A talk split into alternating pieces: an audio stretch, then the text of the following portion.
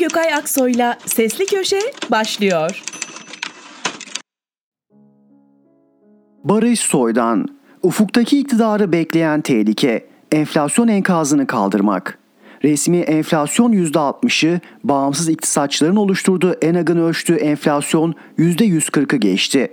Dünyada enflasyonun bu kadar yüksek olduğu çok az ülke var. Venezuela, Sudan, Lübnan, Zimbabwe, Türkiye. Sadece bu bile Cumhurbaşkanı Erdoğan ve Hazine Maliye Bakanı Nebati'nin dünyada enflasyon arttığı için Türkiye'de artıyor iddiasının doğru olmadığını gösteriyor. Asıl problem içeride. Enflasyonun asıl sebebi TL'de yaşanan inanılmaz değer kaybı. Başkanlık sisteminin 4 yıllık kısa tarihine 3 kur krizi sığdı. Türk lirası sadece geçen yıl dolar karşısında %44 değer kaybetti. Başkanlık sisteminin resmen başladığı 2018 yılının Haziran ayında dolar 4,5 liraydı. Bugün 15 lira. Dolar artınca enflasyon artıyor. Buna geçişkenlik deniyor. Yeni bir araştırmaya göre döviz kurundaki değişim tüketici enflasyonundaki değişimin %37'sini, üretici enflasyonundaki değişimin %61.6'sını açıklıyor. Öyleyse asıl soru dolar neden başkanlık sisteminde 3 katına çıktı? İktidara göre dış güçlerin atakları yüzünden faiz lobisi, İngiliz derin devleti, asimetrik finansal ultra tüzel organizma, Rockefeller ailesi veya Illuminati. Seç beğen al. Bir altlar karıştırdılar, doları yükselttiler. Bunlara bu sitenin okurları arasında inanan elbette yoktur. Adalet ve Kalkınma Partisi'nin seçmenleri arasında dahi inanan çok az kişi kaldı herhalde.''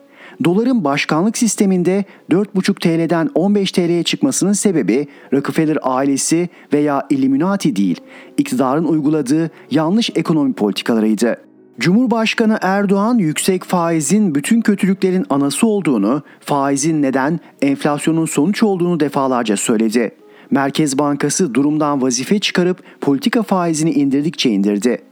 2019 ve 2020'de %24'ten %8.25'e, geçen yıl %19'dan %14'e. Politika faizi ve bankaların mevduat faizi enflasyonun altına inince vatandaş dolara, euroya altına kaçtı. Yabancı yatırımcı da yine aynı nedenle Türk lirasını terk etti. Başkanlık sisteminde yaşanan 3 kur krizinin sebebi buydu. İktidar son çare olarak geçen Aralık'ta kur korumalı mevduatı getirdi. Ama bunun da bir çare olmadığı açık.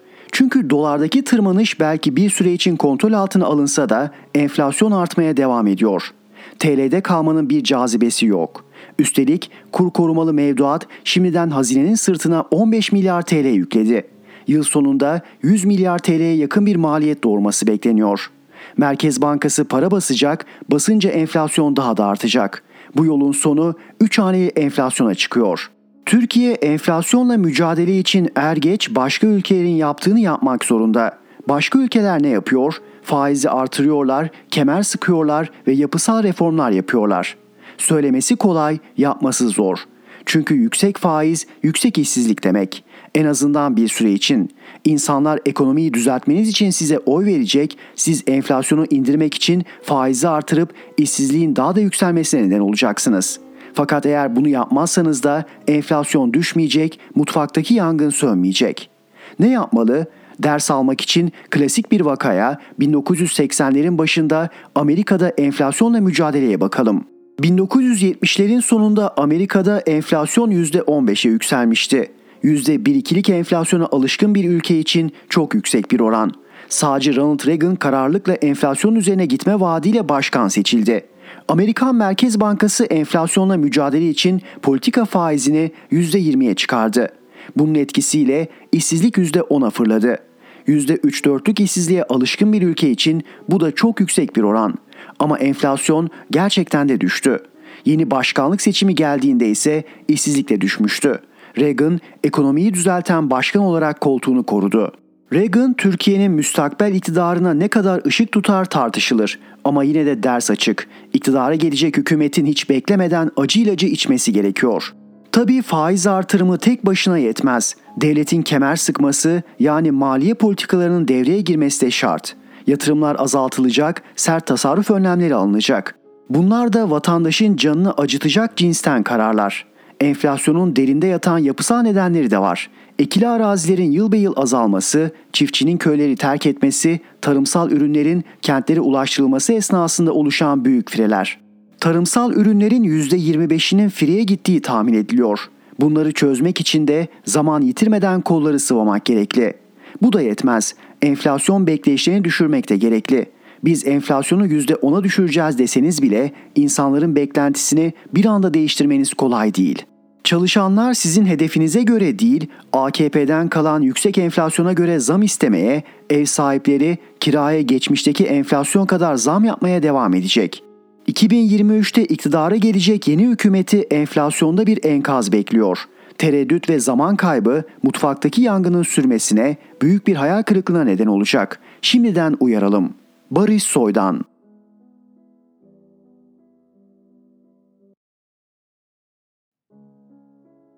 Fatih Altaylı, Temel'in mezar taşı.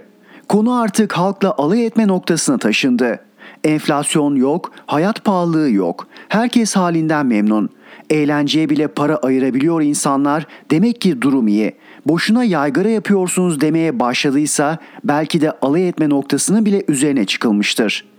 Elbette topyekün bir sefaletin ortasında değiliz. Elbette hala çok iyi yaşayanlar var. Elbette hala her biri 10 milyon TL'ye satılan otomobillerin önünde kuyruk olanlar mevcut. Elbette en pahalı lokantalarda yer bulmak kolay değil. Elbette hala her türlü standardın ötesinde üst düzey bir yaşam süren birkaç yüz bin henüz açlık noktasına gelmemiş bir belki iki milyon insan var.'' Ama dönüp herkese hadi iyisiniz iyisiniz denilecek bir ortam yok. İktidar kaynaklarından beslenen, çift maaş hatta 3 maaş alan yönetim kurulu üyelikleriyle palazlandırılan, küçük büyük kamu kaynaklı işlerle ya da güç simsarlığıyla zenginleştirilen tiplerden değilseniz durum pek de bazılarının anlattığı gibi değil.'' Yok canım halkımızı etkilemiyor denilen enflasyonun oranı TÜİK'e göre bile %61.14. Her yerde var ne olmuş yani dedikleri enflasyonda dünya ikincisiyiz. Bizi kıskanan tek ülke ise Zimbabwe. Afrika'nın en fakir ülkelerinden biri. Nüfusunun %70'i günlük 3 dolar seviyesinde gelire sahip. Dünyada bizden daha yüksek enflasyona sahip olan tek ülke bu. %72.7. Üstelik de Zimbabwe 2020'de %720'lik bir enflasyondan geriliyor ve Zimbabwe ile ortak noktamız hizmet sektörünün ekonomideki ağırlığının tarım ve sanayi oranla çok yüksek olması. Enflasyon oranında bizim ardımızdan gelen ülke ise İran. Yaptırım altındaki bir ülke. Onların enflasyonu %37.7. Sri Lanka'da %18.7. Zambiya'da %13.1. Pakistan'da %12.7. Bu tabloya rağmen tuzu kuru, keyfi yerinde birileri yok canım ne fakirleşmesi, durumunuz gayet iyi, bak hatta eğleniyorsunuz bile diyor. Zaten galiba asıl sorun da burada. Türkiye'de eskiden de ekonomik kriz dönemleri olurdu. Ama bu dönemlerde kimse kriz yok demez, tam aksine krize çare aranır, önlemler alınır, hamleler yapılırdı.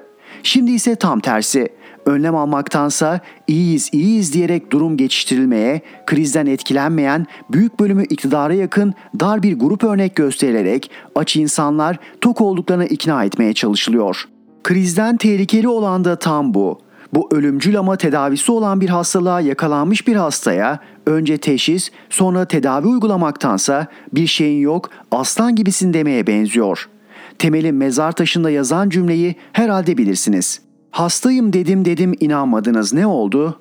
Biz de temel hasta diyoruz inanmıyorsunuz. Bir yoğurdun gösterdikleri Cumhurbaşkanının manda yoğurdu demesiyle başlayan manda tartışması aslında Türkiye'de tarımın ne noktada olduğunu anlamamıza vesile oldu. Herkes Cumhurbaşkanının tavsiyesine uyup manda yoğurdu yemek isterse ne olur diye düşündü bazıları ve Türkiye'nin manda envanteri çıkarılmaya çalışıldı. Sonuç çıkarılamadı. Türkiye'nin 1960'lı yıllarda 2 milyona yakın bir manda nüfusuna sahip olduğu anlaşıldı ama bugünkü durum bir türlü netlik kazanmadı. Hepsi resmi kurumlarca yapılmış açıklamalar şaşırtıcıydı. Mesela Tarım Bakanlığı'na bağlı kuruluşlarca yapılan açıklamalarda Türkiye'deki manda sayısının 134 bin olduğu söylendi. Bir başka devlet kuruluşu olan TÜİK ise manda sayısını gayet iddialı bir şekilde küsuratına kadar vererek 185.574 olarak açıkladı. Hangisi doğru bilemedik. Herkesin üzerinde ittifak ettiği noktalardan biri en çok mandanın Samsun'da olduğuydu. Ama tek bir ilimizde bile sayıda anlaşamadık. Her ikisi de resmi olan bilgilerin birine göre Samsun'da 19.896, bir diğerine göre ise 23.000 manda vardı.'' Manda sayısı bakımından İstanbul'un da hatırı sayılır bir yeri olduğunu, hatta bir cins manda bakımından İstanbul'un en fazla mandaya sahip il olduğu da bir başka resmi bilgiydi. Ancak İstanbul'da mandaların en yoğun olduğu bölgeye Kuzey Otoyolu'nun ve 3. Havalimanı'nın yapılmasının İstanbul'un manda nüfusunu azalttığı da ortaya çıktı. Bu tartışma Türkiye'nin tarımda niye giderek gerilediğini aslında çok iyi anlattı. Elimizde ne doğru düzgün bir istatistik, ne doğru düzgün güvenilir bir bilgi, ne sağlam bir tarımsal üretim envanteri vardı. Milletin uzaydan bırakın hayvan sayısını hayvanlarının bıraktığı tezek ve gaz miktarını ölçebildiği, yıllık tarımsal üretimini gramına kadar öngörebildiği bir dünyada biz çok da fazla olmayan manda sayımızı bile bilmiyorduk. Dahası tarım alanlarını nasıl tahrip ettiğimiz, dev projeler yapıyoruz derken neleri heba edip nelerden vazgeçtiğimizi de net bir şekilde anlamış olduk. Bir manda yoğurduyla tarımın değilse de tarımsal cehaletimizin röntgenini çektik. Demek ki tartışmakta zarar yok, fayda var.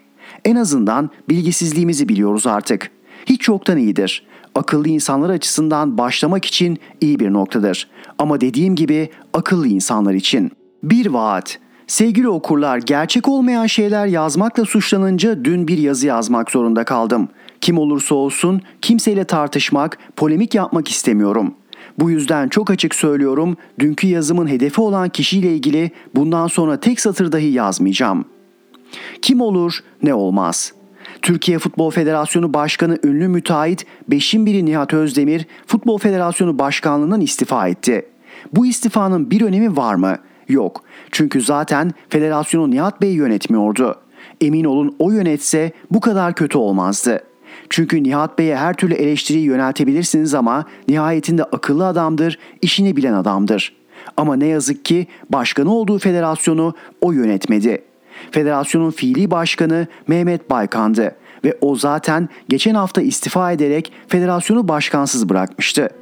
Federasyonu sinsi bir biçimde kliklere ayıran ve kendini asıl başkan olarak gören Servet Yardımcıysa yine Nihat Özdemir'den daha etkiliydi federasyon yönetiminde. Nihat Özdemir bu eş başkanların arasında sözde başkandı. Bu federasyonun uzun zaman önce yıkılması gerekiyordu ama aynen Osmanlı İmparatorluğu gibi yerine neyin geleceği bir türlü belirlenemediği için ayaktaymış gibi duruyordu yerinde. Hakemlerle ilgili skandal karar ve bir de üzerine yeni spor yasası gelince yıkıldı. Şimdi soru yeni federasyon nasıl oluşacak? Federasyona gerçek bir başkan bulunacak mı? O kadarını bilemem. Ancak bu işe kimlerin yeşillendiği futbol kulislerinde konuşuluyor.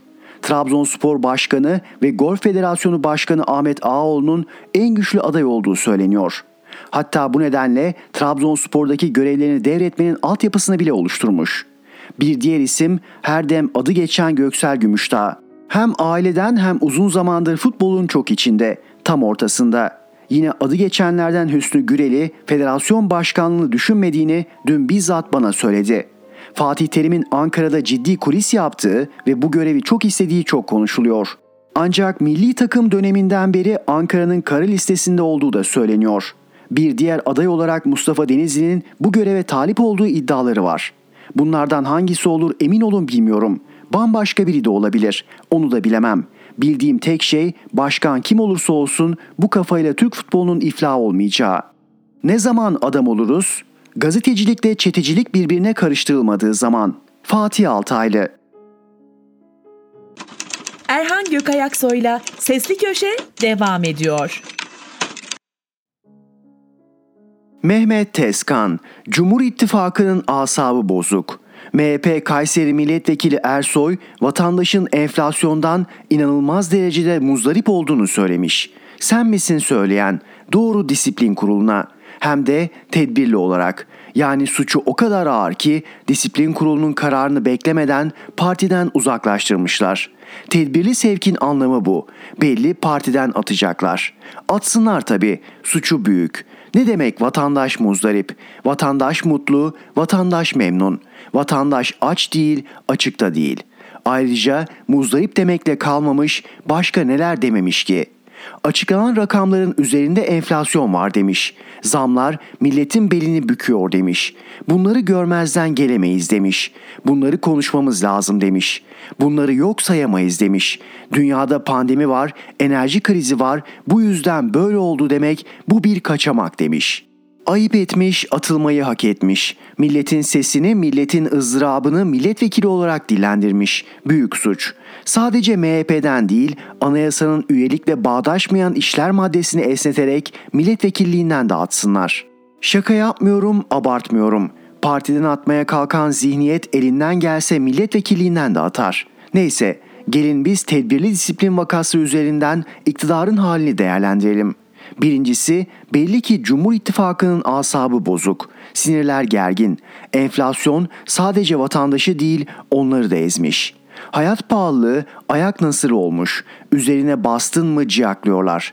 Sadece Bahçeli değil Erdoğan da açız diyene öfkeleniyor, kızıyor. İkincisi Cumhur İttifakı'nın artık en küçük eleştiriye tahammülü kalmamış. 2023 seçimlerini düşündükçe karabasanlar basıyor herhalde.''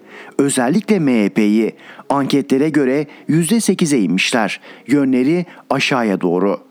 Üçüncüsü kurdukları rejim milletvekillerini el kaldırma makinesi olarak görüyor. Merkezden gelen metin dışına çıkmaları yasak. Fikir beyan etmek büyük suç. Kayseri Milletvekili Ersoy bu suçu işledi. Dördüncüsü Cumhur İttifakı ekonomik buhranın kendi takıntıları yüzünden olduğunu kabul etmiyor. Faiz sebep, enflasyon sonuç dış etkenlere bağlamak istiyor. Bütün dünyada enflasyon yüksek propagandası yapıyor. Avrupa ortalaması %7,5, Orban'ın Macaristan'ın da 8,3, Türkiye'de 61,1. Kendi içlerinden biri bu bir kaçamak diyerek aldatmacı olduğunu söylerse hemen hain ilan ediyorlar. Beşincisi iktidarın küçük ortağı memleket güllük gülistanlık, hayat pahalı değil, sıkıntılar savaş sebebiyle barış gelince geçecek söylemini parti politikası haline getirmiş. Bizden kaynaklı diyeni kapının önüne koyuyor.'' Altıncısı sadece saray halktan koptu zannederdik. MHP de halktan kopmuş. Bırakın daha da ötesi kendi seçmeninden, kendi tabanından bile kopmuş. Aksoy Araştırma Şirketi'nin son anketini gördüm. Hayat pahalı diyenlerin oranı %97.4. Kalıcı olduğunu söyleyenlerin oranı ise %71.4. Peki MHP'liler ne diyor? MHP'lerin %100'ü tamamı hayat pahalılığı var demiş. 68.6'sı ise enflasyonun kalıcı olduğu görüşünde. MHP yönetimi kendi tabanının bu görüşünü dile getiren milletvekilini parti politikasına aykırı diyerek disipline veriyor. Tabanından kopmak bu demek. Sırça köşte yaşamak bu demek. Mehmet Tezkan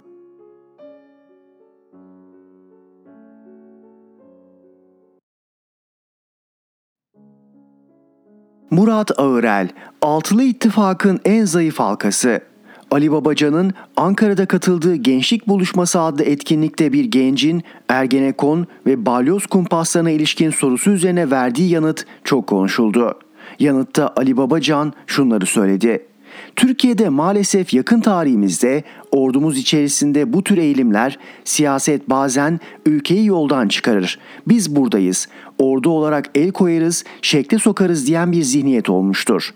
Bu tür hazırlıklar içinde olanlarla ilgili devlet mücadele etmelidir. Dolayısıyla tüm bu süreçlerin Ergenekon, Balyoz adı ne olursa olsun bunların bağımsız ve tarafsız yargı süreçlerinden geçtikten sonra ancak şöyledir ya da böyledir diyebiliriz. Böyle silmece FETÖ'nün etkisi altındaki yargının uğraştığı Ergenekon, Balyoz sürecine de biz karşıyız.'' Ama sırf FETÖ'cüler uğraştığına göre bunların hepsi akpak suçsuz insanlardır da demeye de karşıyız. İkisinin de yanlış olduğunu düşünüyoruz bağımsız ve tarafsız yargı eliyle incelenmedikçe bu süreçlerin hiçbirisine doğru ya da yanlış demenin biz doğru olmadığını düşünüyoruz. Bu açıklama olduğunda tekrar tekrar dinledim. Zira bir Ergenekon kumpasında yargılanan biri olarak benim adıma olası iktidar değişikliğinde iktidar ortağı olması muhtemel bir partinin genel başkanı söylüyor bunu. Farkındayım. Üzerinden tonla konu geçti. Şimdi mi yazıyorsun diyeceksiniz.'' Fakat yaklaşık iki haftadır Deva Partisi ve Ali Babacan'ın kurmaylarının kapısını zorluyorum. bir açıklama makul bir sebep ya da mantıklı bir ifade alabilmek için. İstedim ki alayım öyle eleştirilerimi dile getireyim. Parti yetkililerine ulaştım ve bu açıklamayla ilgili Babacan'la görüşmek istediğimi belirttim. Aldığım cevap yoğunluk var sonrasında sizinle görüştüreceğiz oldu. Bekledim sonra da açıklama yanlış anlaşıldı gibi bir şey söylendi. Ne güzel işte değil mi?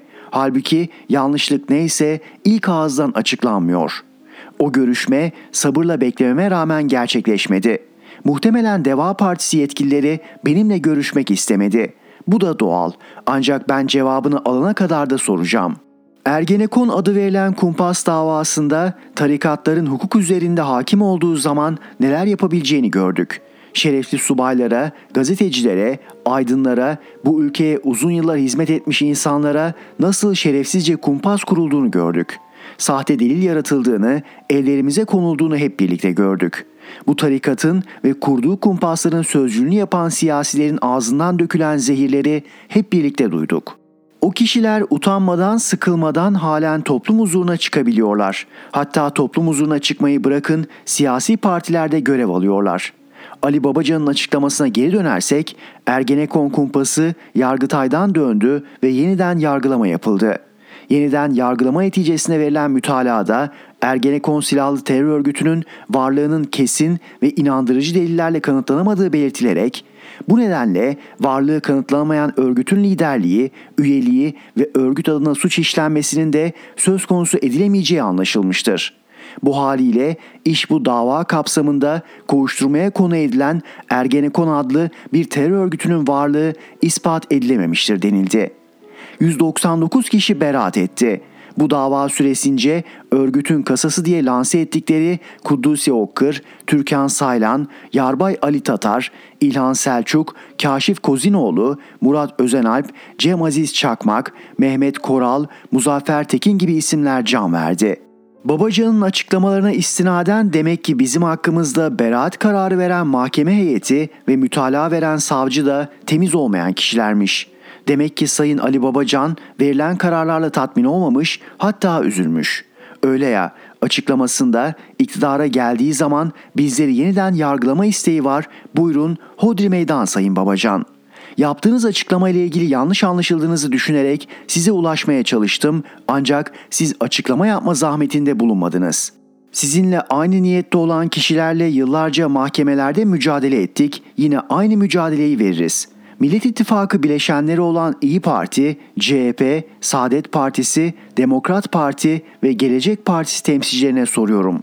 Millet İttifakı'nın bileşeni olan Deva Partisi Genel Başkanı Ali Babacan gibi sizler de Ergenekon ve balyoz kumpaslarının gerçek olduğuna inanıyor musunuz? İktidara geldiğinizde kumpas davalarını yeniden başlatacak mısınız? Bu sözler tesadüf değil. Son dönemlerde duymaya başladığımız eşit yurttaşlık, tüm KHK'ları görevlerine iade edeceğiz, Ergenekon ve balyoz davalarını yeniden başlatacağız gibi söylemlerin bir yerlere mesaj verildiği düşüncesi netleşmeye başladı. Eşit yurttaşlık dediğiniz şey Soros propagandasıdır. Anayasal olarak zaten eşitiz. Mesele bunu uygulamakta. Başka yazıda bunu da tartışacağız. Ancak bu açıklamalar gösteriyor ki altılı ittifakın en zayıf halkası Ali Babacan'dır. Ahmet Davutoğlu bile değildir. Çünkü Davutoğlu bir intikam güdüyor. Alaşağı edilmesinin hesabını sormak istiyor. Ali Babacan'ın Abdullah Gül'ün temsilcisi olduğu iddiaları dillendirilirken yaptığı açıklamalarla sürekli suyu bulandırma çabası ise bana dikkat çekici geliyor. Murat Ağırel Erhan Gökayaksoy'la Sesli Köşe devam ediyor. Ozan Gündoğdu Hikmet Sungur'u unutmayalım. Mart ayının son günü ajanslara, gazetelerin 3. sayfalarında görmeye alıştığımız kısa haberlerden biri düştü. Kayseri'de Hikmet Sungur isimli bir kişi bekçilik yaptığı inşaatta asansör boşluğuna düşerek hayatını kaybetmişti. İnşaatta çalışan işçiler bekçi Hikmet Sungur'un cansız bedenini saatler sonra tesadüfen bulmuşlardı. İşçi Sağlığı ve İş Güvenliği Meclisi'nin verilerine göre 2021 yılında en az 2170 işçi çalışırken hayatını kaybetti. Bu işçilerin 260'ı yüksekten düşerek öldü. Sayıları konuşmak incitici ama devam edelim. 2021 yılında her 10 günde 7 kez yüksekten düşerek hayatını kaybeden bir işçinin haberi gazetelerin kısa haberlerine konu oldu. Ama bu işçilerden biri olan Hikmet Sungur'u sakın unutmayalım. Çünkü o 77 yaşındaydı. 80'ine 3 yıl kalmıştı ama çalışmak zorundaydı. Doğduğunda Türkiye henüz çok partili hayata geçmemişti. Menderes idam edildiğinde 16 yaşında genç bir işçiydi. Uzun ve çileli bir hayatı oldu Hikmet Bey'in. Tembel olduğu için yoksul değildi. Yoksulluğu onun suçu da değildi. 60 yıldan uzun süre çalıştı. 60 yıl çalışana tembel denir mi? Yaşamak için çalıştı, çalışırken öldü. 80'ine basmasına 3 yıl kalmıştı. Buna rağmen çalışıyordu. Kayseri'de Melik Gazi ilçesindeki 14 katlı bir apartman inşaatında işe girmişti. Görevi bekçilikti. İnşaatın karanlığında belki de asansör boşluğunu fark edememişti. Buna ne diyelim? Kaza demeye diliniz varıyor mu? Diyelim ki cinayet. O halde kimi yargılayacak mahkemeler? 77 yaşındaki Hikmet Sungur'u çalışmaya zorlayan emeklilik düzeninin hiç mi suçu yok? Mahkemeler bu düzeni yargılayabilecek mi? Emekli maaşları içinde en yaygın tutar 2500 TL. Evinizin olmadığını hayal edin. Bu enflasyonda 2500 TL ile yaşayabilmeniz mümkün mü? Kira ve faturaları ödeseniz geri kalan parayla karnınızı doyurabilir misiniz? Tatil yapmak, ülkenizi gezmek hakkınızken karnınızı bile doyuramıyorsunuz. Tok uyumanın yolu emekliyken iş aramaktan geçiyor. Şanslıysanız iş bulabilirsiniz. Şansınız yoksa açlıktan ya da soğuktan ölürsünüz. Milyonlarca emekli için tablo bu. İş Sağlığı ve İş Güvenliği Meclisi verilerine devam edelim.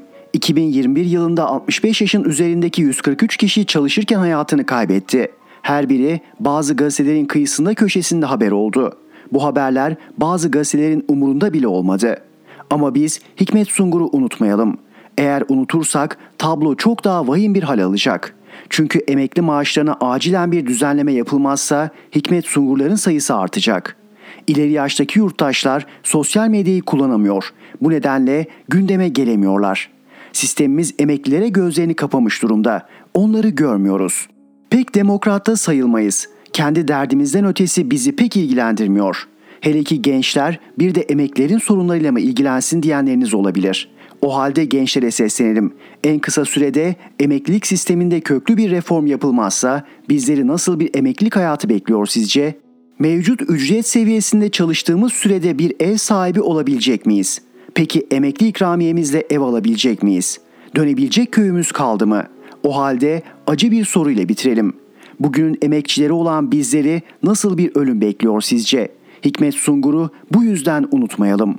Şubat ayında çalışırken hayatını kaybeden isimsiz emekçilerin adlarını da unutmayalım demek isterdim ama hangi birini hatırlayalım? 106 isimsiz emekçi. Her gün 3 kişi. Hiç değilse adlarını kayda geçiren İş Sağlığı ve İş Güvenliği Meclisi'ne teşekkür edelim. Ozan Gündoğdu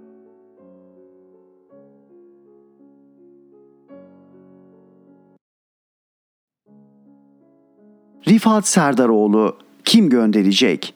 Dünkü yazıda AKP'yi siyasal ümmetçilerin doğurduğunu, ABD derin devletinin büyüttüğünü, CHP genel başkanları tarafından korunduğunu söyledik. AKP denen organize suç örgütü benzeri yapının yöneticilerinde siyasi ahlakın, İslami ahlakın kırıntısının olmadığını yurt içinde ve yurt dışında bilmeyen kalmadı. Her şeyleri yalan. 20 yıllık tek başına AKP yönetimi sonunda gerek ülke gerekse aile ekonomilerimizin çökme noktasına getirildiğini bizzat yaşayarak gördük, daha da göreceğiz.'' Eğer akla ve bilime süratle dönülmezse bir cahil inadı uğruna ülke tarihimizdeki en büyük ekonomik ve siyasal krizin kurbanı olacağız. Peki AKP'den nasıl ve kimlerle kurtulacağız? Bu ülkede yaşayan ve kendisini Türk milletinin sorumlu ve bilinçli bireyleri olarak gören herkes bilmelidir ki AKP ile yapılan mücadele basit bir seçim yarışı ya da iktidar değişikliği mücadelesi değildir. AKP ile yapılan bir rejim mücadelesidir. Türkiye Cumhuriyeti Devleti'nin gerçek beka sorunudur. Bizim yaptığımız budur. Ya bu mücadele kazanılacak, cumhuriyet değerleri ve demokratik rejim yaşayacak ya da mücadele kaybedilirse Türk devleti faşist bir federe İslam devletine dönüşecek. Hala bu mücadelenin ciddiyetini anlamayan okurumuz kaldıysa yazının bundan sonrasını lütfen okumasınlar. 1.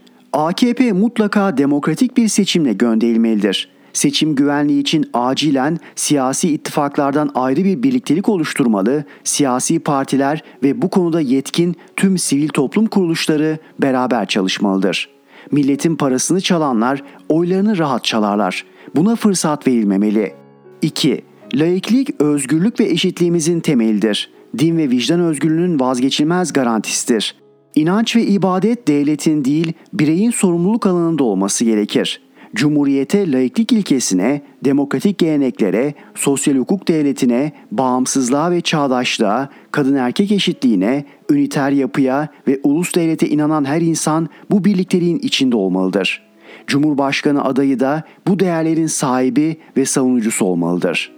3. Cumhurbaşkanı adayının anayasamıza göre yasaklanmış tarikat ve cemaatlerle ilişkisinin olmaması şarttır. 4. Cumhurbaşkanı adayı ülkenin tam bağımsızlığını savunmalı, emperyalist devletlerin eş başkanlık gibi makamlarını elinin tersiyle itmelidir. 5. Cumhurbaşkanı adayı hem Peygamberimiz Hz. Muhammed Mustafa'yı ve hem de devletimizin kurucusu Mustafa Kemal Atatürk'ü çok iyi anlayan ve inanan biri olmalıdır ve iki Mustafa'nın Türk milletine doğru anlatılmasına öncülük etmelidir. 6. Cumhurbaşkanı adayı Türk milleti çatısı altında inançları, etnik kökenleri, dilleri, mezhepleri ne olursa olsun hiç ayrım yapmadan tüm vatandaşlarımızı samimi olarak kucaklayacak biri olmalıdır. Doğru partiye göre öncelikler sıralamasının doğru yapılması gerekir. Bize göre öncelik parlamenter rejime inanmış, dirayetli Cumhurbaşkanı adayının bir an önce belirlenmesidir. Gerçek ittifak Cumhurbaşkanı adayı üzerinde yapılmalı ve Cumhurbaşkanlığı seçimi mutlaka kazanılmalıdır. Yani öncelik Cumhurbaşkanı seçimidir. Yeni Cumhurbaşkanı seçildiğinde bir günde yayınlayacağı bir kanun hükmünde kararname ile parlamenter sisteme uygun yetki devri yapabilir.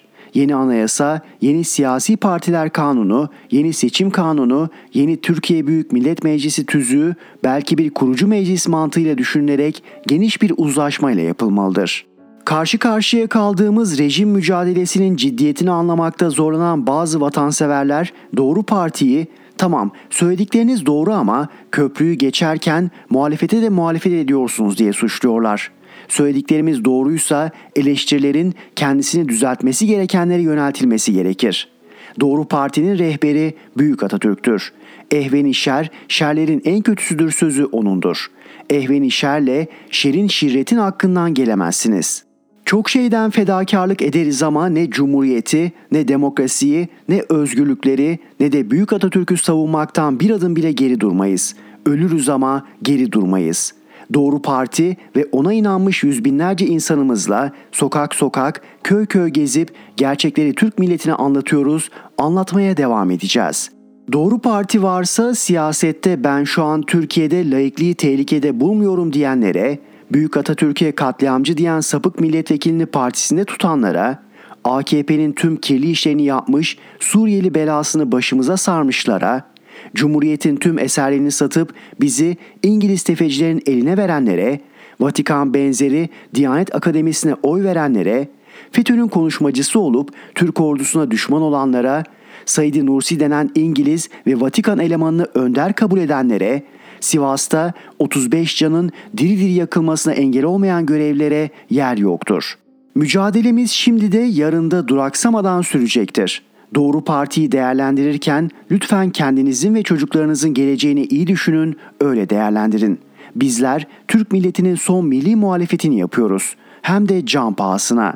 Ne mutlu Türk'üm diyene ve sözünden dönmeyene. Rifat Serdaroğlu Erhan Gökayaksoy'la Sesli Köşe devam ediyor. Selin Sayekböke, sayılara takılmak. Nobel ödüllü matematikçi Profesör John Nash 10 yıl önce Türkiye'ye geldiğinde saygın bir gazetecinin sorusu üzerine iyi matematik bilmeyen toplumlarda adalet yoktur demişti. Ünlü matematikçi o yıllarda Türkiye'nin matematikte OECD ülkeleri arasında PISA sınavı sıralamasında sondan ikinci olduğunu öğrenince ciddileşerek söylemişti bunu. Geçen yıllar içinde yaşanan gerçeklikler ortada. Üniversite sınavlarında matematikten sıfır çekenler de arttı, adaletsizliklerde.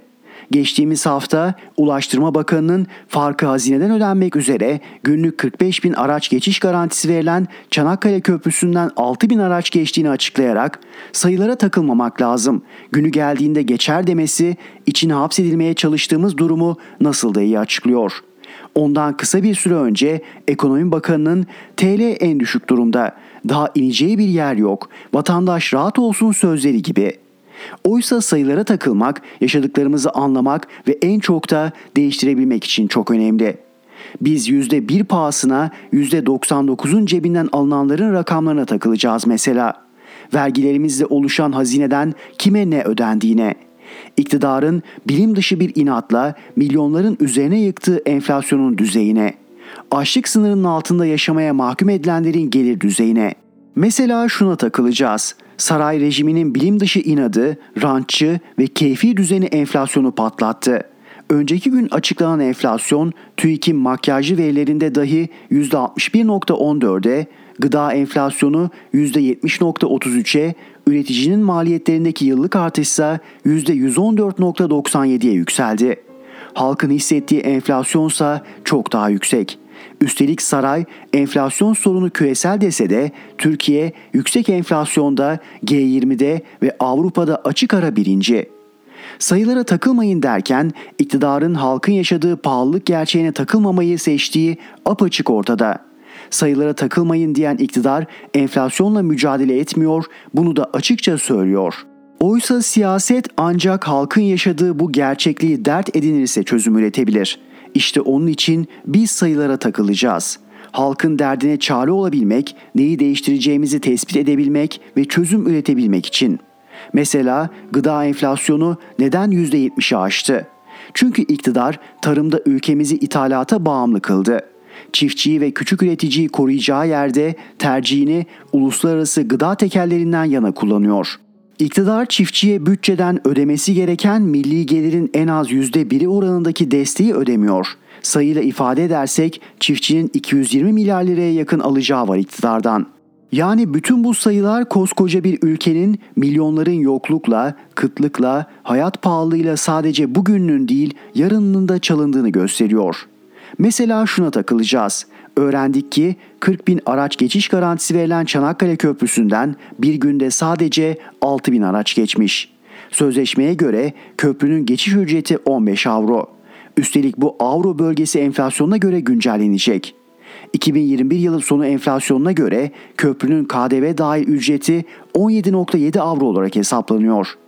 Köprüden 6 bin aracın geçtiği 27 Mart'ta avro TL kuru 16.08 liraydı. Buna göre geçmeyen araç başına hazineden ödenecek ücret 285 lira. Bu hesaba göre 27 Mart'ta köprüden geçmeyen 39 bin araç için yani bir gün için hazineden 11.1 milyon lira çıkacak. Bu da yetmiyor. Erdoğan'ın sözleşmede 285 lira yazmasına rağmen gişe ücretini 200 liracık olarak açıklamasının ardından aradaki 85 liralık fark da ödenecek. Yani köprüden geçen 6 bin aracın üstünü tamamlamak için de 510 bin lira hazineden aktarılacak. Böylece köprüden geçen ve geçmeyen araçların hazineye bir günlük maliyeti 11 milyon 625 bin lira. Köprüden geçişler Ulaştırma Bakanı'nın açıkladığı şekilde devam ederse bunun bir yıllık maliyeti en az 4.3 milyar lira. Bütün bu sayılar ne demek? 4 milyon aileye verilebilecek 1000 liralık doğrudan gelir desteğinin bir avuç imtiyazının cebine konulması demek. Mesela şuna takılacağız. İktidar paramızı göz göre göre değersizleştirip emeğimizi, varlıklarımızı yabancıya ucuza pazarlamaya girişti. Ekonomiyi bile isteye dolarize etti.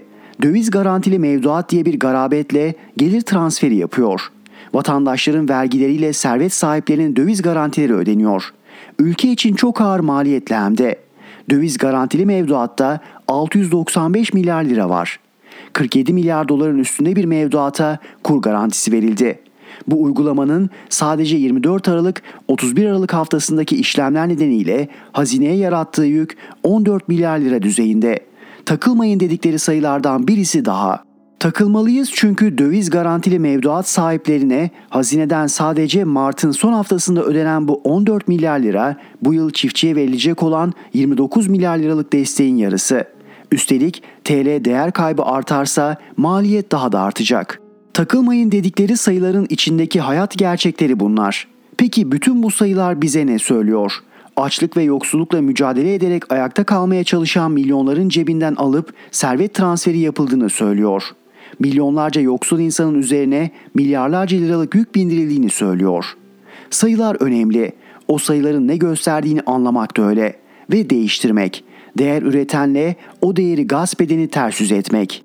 İşte bu yüzden açıkça söyleyelim sayılara da takılacağız, kimin cebinden alıp kimi aktardığınıza ilişkin rakamlara da takılacağız, halka açık açık verdiğiniz zararı umursamayan pervasızlığınıza da takılacağız. Ve takılmakla kalmayacağız. Her birini tek tek değiştireceğiz, halkın lehine her birini tersine çevireceğiz. Biz kim miyiz? Biz işte o umursamadığınız, cebine elinize attığınız işsiz ve yoksul bıraktığınız işçileriz. Beyaz yakalılarız, çiftçileriz, esnaflarız, emeklileriz. Sadece bugünümüzü değil, yarınımızda çalmaya kalktığınız kadın ve erkek, genç ve yaşlı milyonlarız. Biz hep birlikte yapacağız. Selin Sayek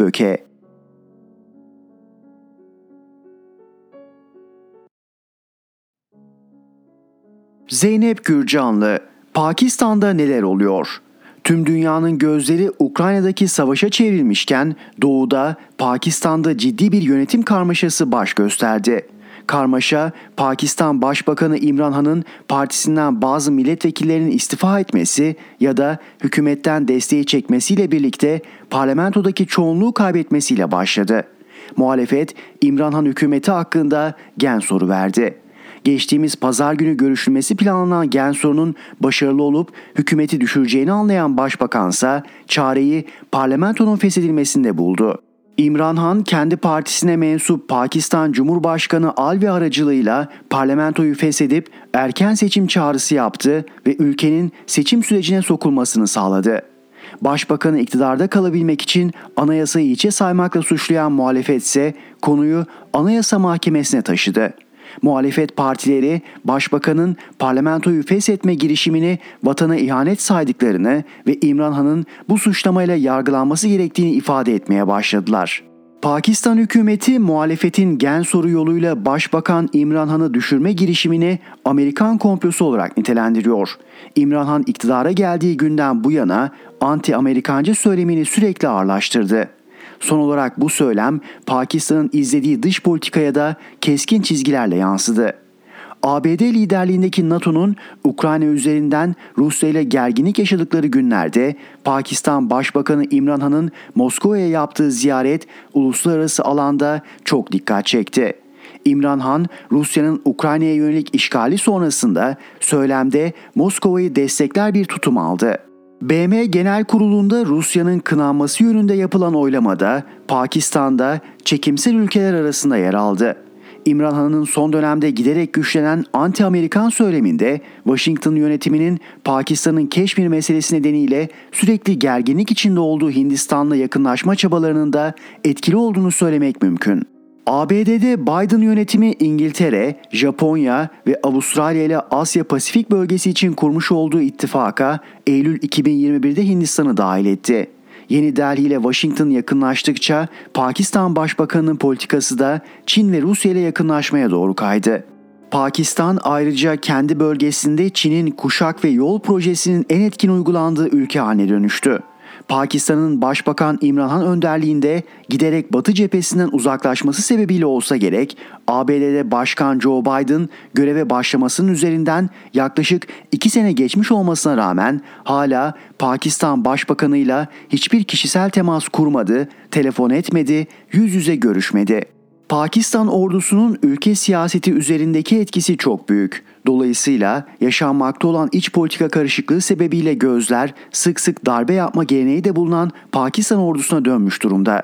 Ancak ordu şu ana kadar yaşanan gen soru parlamentonun fesi tartışmalarında sessizliğini ve tarafsız duruşunu koruyor. Ancak ordunun bu tarafsızlığının sonlanabileceğine ilişkin işaretler de yok değil. İmran Han'ın Hindistan'a yönelik sert çıkışlarına karşılık Pakistan Genelkurmay Başkanı General Kamar Javed Bajwa'dan cumartesi günü tam da ülkede gen soru karmaşası yaşanmadan hemen önce sürpriz bir açıklama geldi. General Bajwa hem Pakistan'ın ABD ile ilişkilerini geliştirmek istediğini hem de Keşmir konusunda Hindistan'la ateşkese gitmeye hazır olduğunu söyledi. Pakistan Genelkurmay Başkanı'nın ABD'ye çiçek atan bu açıklamasından sadece birkaç saat sonra ise Başbakan Han ülkedeki yabancı gazetecilerin önüne çıkarak yaşanmakta olan iç karışıklık ve kendisi hakkındaki gen sorudan ABD'nin sorumlu olduğunu söyledi. Ordu ve Başbakan İmran Han böylece ABD ile ilişkiler konusunda tam ters konum almış oldular. ABD yönetimi uzun süredir Orta Doğu'daki çatışma ve gerginlikler için ayırdığı mali ve askeri gücü asıl hasım olarak kabul ettiği Çin'i dengelemek için Asya Pasifik bölgesine kaydırmaya çalışıyor. Bu çerçevede Orta Doğu'da gerginliklere son veren adımlar iyice arttı. Abraham anlaşmalarıyla İsrail'in Arap ülkeleriyle barışmasını, ABD'nin NATO'daki müttefiki Türkiye'nin attığı bölgesel normalleşme adımları takip etti. AK Parti hükümeti İsrail ile BAE ile ilişkileri normalleştirme yönünde büyük mesafe kaydetti. Mısır'la da normalleşme görüşmeleri henüz sonuç vermiş olmasa da resmen başladı. Son olarak da sıra AK Parti hükümetinin Kaşıkçı cinayeti sebebiyle gerginlik yaşadığı Suudi Arabistan Veliaht Prensi Muhammed Bin Salman'la barışmaya geldi. Adalet Bakanı Bekir Bozdağ, Cemal Kaşıkçı cinayetine ilişkin dava dosyasının Suudi Arabistan'a nakline Türkiye'nin olumlu yanıt vereceğini açıkladı. Nitekim davaya bakan mahkemenin savcısı da bu yönde görüş bildirdi. Bu gelişme aylar boyunca Suudi veliahtı Kaşıkçı cinayetinin azmettiricisi olduğunu ima eden AK Parti hükümet yetkilileri açısından kritik bir siyasi dönüş. AK Parti'nin bu adımının Suudi Arabistan'la normalleşmeyi sağlayıp sağlamayacağını ise Veliaht Prens'in vereceği karşılık belirleyecek. AK Parti hükümetinin Pakistan'da yaşanan iç karışıklık dolayısıyla Cumhurbaşkanı Erdoğan'ın sık sık dostum diye hitap ettiği Başbakan İmran Han'a açık bir destek vermemesi, sessizliğini koruması da ayrıca dikkat çekici. Pakistan'da Amerikan karşıtı İmran Han'ın siyaseten zor duruma düşüp iktidardan uzaklaşma yoluna girmesi, Pakistan ordusunun Washington'a işbirliği mesajları göndermesi, Hindistan'la barışmaktan bahsetmeye başlaması ard arda gelen kritik gelişmeler. Bu gelişmeler ışığında akla Orta Doğu'dan sonra sıra Asya'da normalleşmeye mi geldi sorusunu getirmiyor değil. Zeynep Gürcanlı Erhan Gökayaksoy'la Sesli Köşe sona erdi.